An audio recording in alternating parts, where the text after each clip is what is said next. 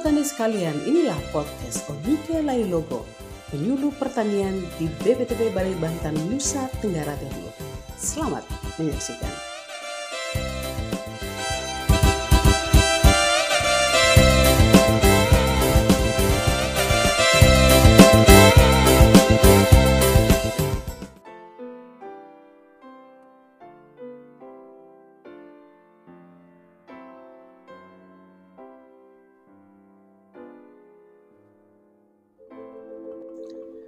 Kampung unggul Balit Bangtan atau ayam KUB merupakan rumpun baru ayam lokal hasil penelitian Balai Penelitian Ternak Ciawi Bogor dan mulai dikembangkan di BPTP Balit Bangtan Nusa Tenggara Timur sejak tahun 2015 yang diawali dengan pemeliharaan sejumlah 100 ekor.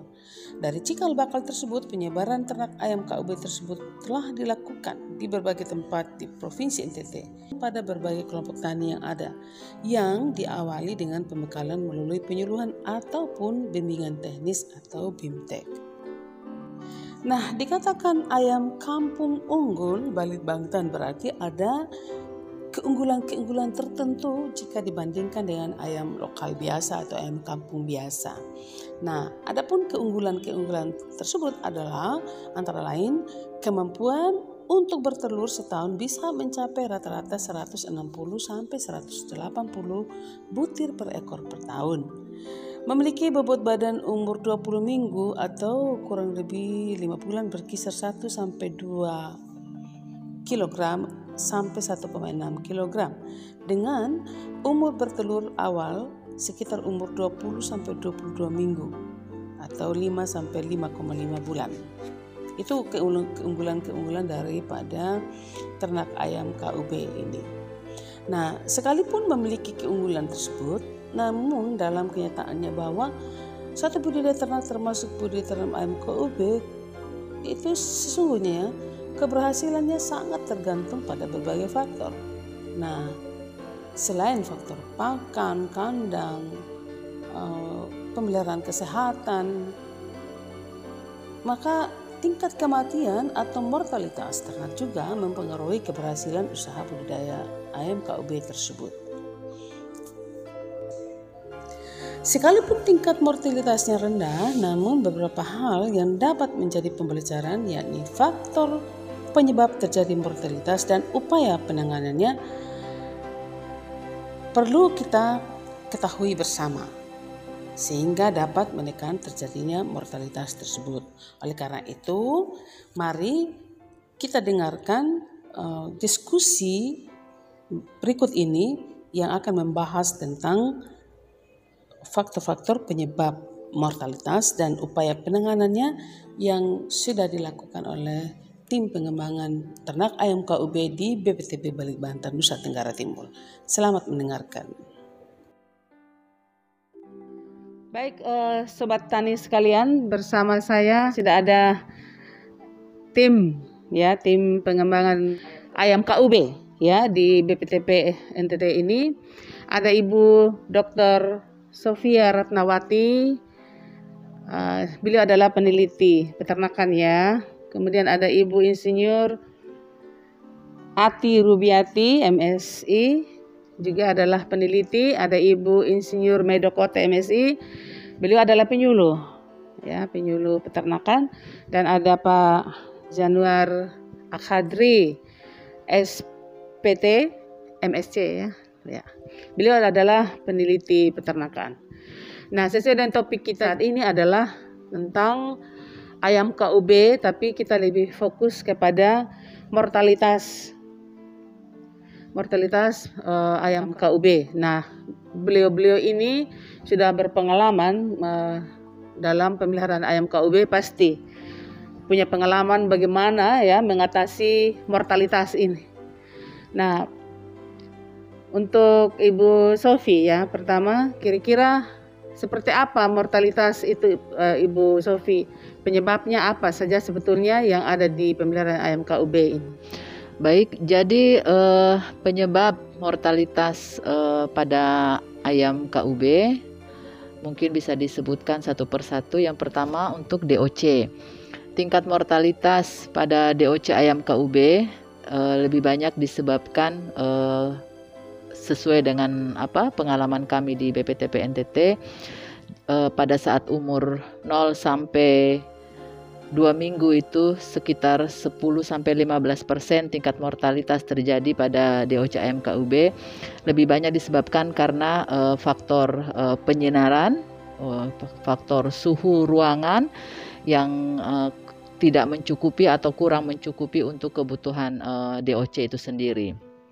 Lalu kalau tingkat kematian atau mortalitas pada uh, umur satu bulan uh, sampai dengan umur menjelang produksi bertelur itu lebih banyak uh, disebabkan uh, kita bicara bukan masalah penyakit dulu ya kita bicara soal mortalitas disebabkan karena faktor uh, populasi populasi kerapatan populasi di dalam kandang yang kurang uh, yang tidak terlalu yang terlalu padat sehingga menyebabkan uh, si ayam KUB itu uh, saling mematuk atau kanibalisme itu juga salah satu penyebab uh, kematian pada ayam KUB yang ada di BPTP.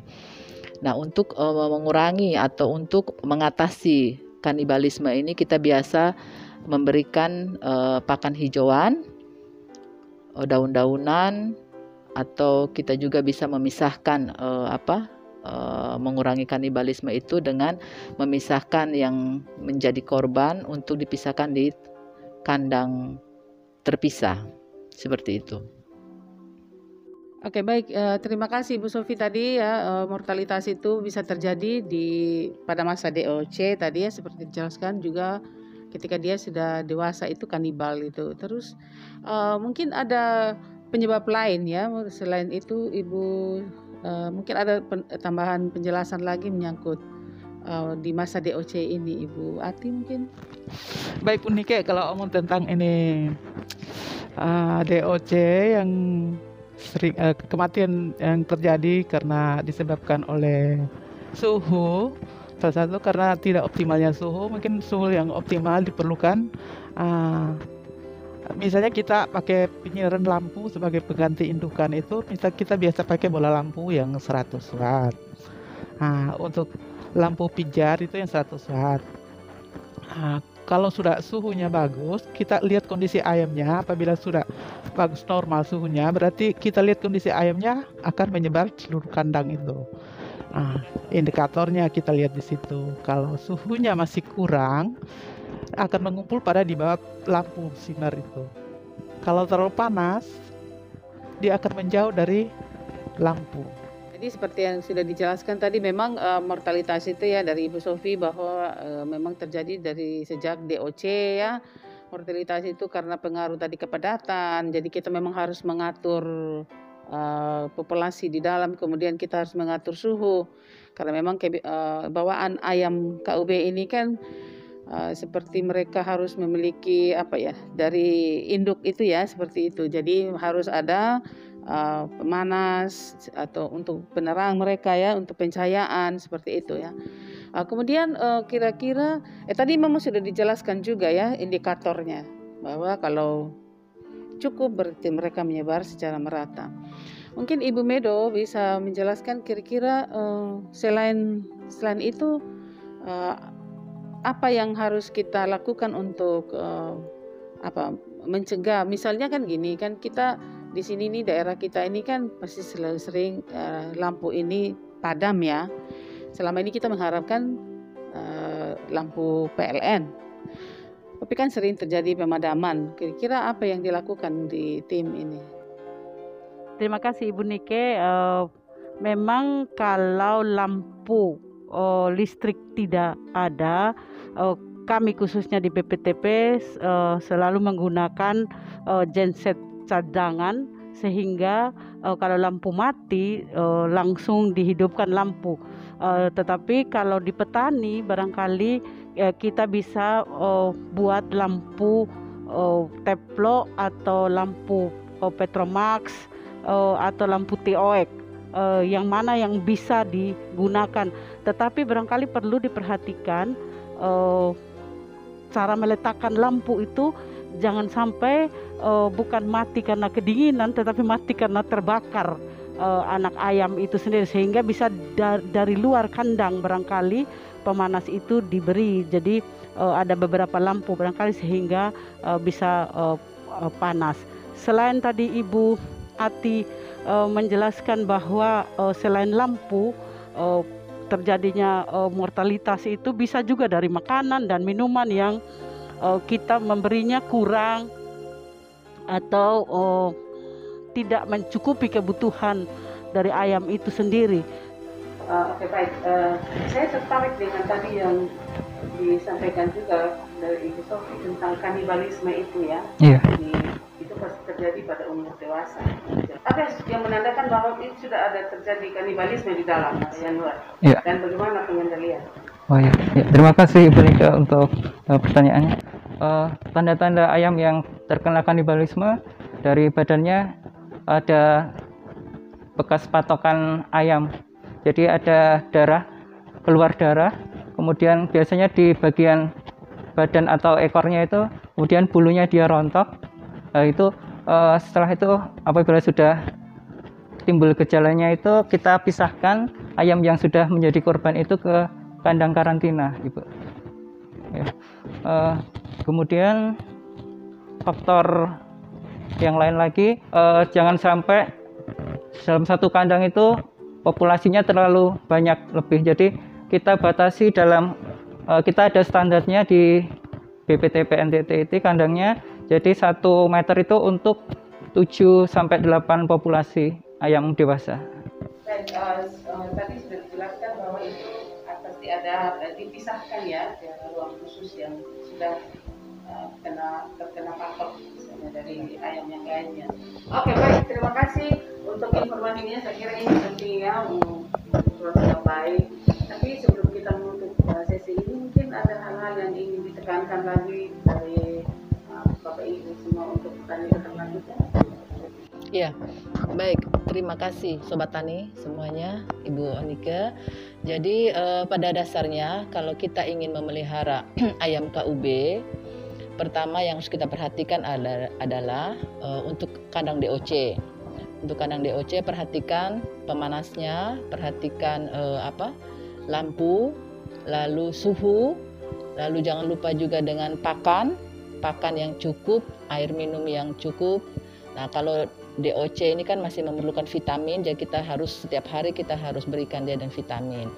Lalu menjelang dewasa, menjelang umur e, dua bulan sampai menjelang e, periode bertelur, jangan lupa juga kita melakukan pemotongan paruh untuk mengurangi kanibalisme yang sudah kita bahas tadi.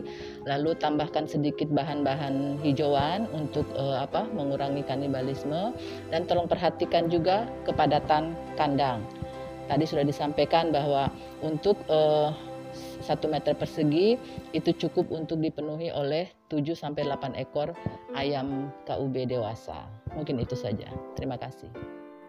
Baik, sobat tani sekalian, uh, demikian uh, yang dapat kami sampaikan untuk episode kali ini yaitu mengenai mortalitas pada ternak ayam KUB dan penanganannya. Terima kasih Ibu Dr. Sofia, Ibu Ati, Ibu Medo, dan Pak Januar Uh, terima kasih banyak untuk informasi ini. Sampai jumpa dan salam inovasi.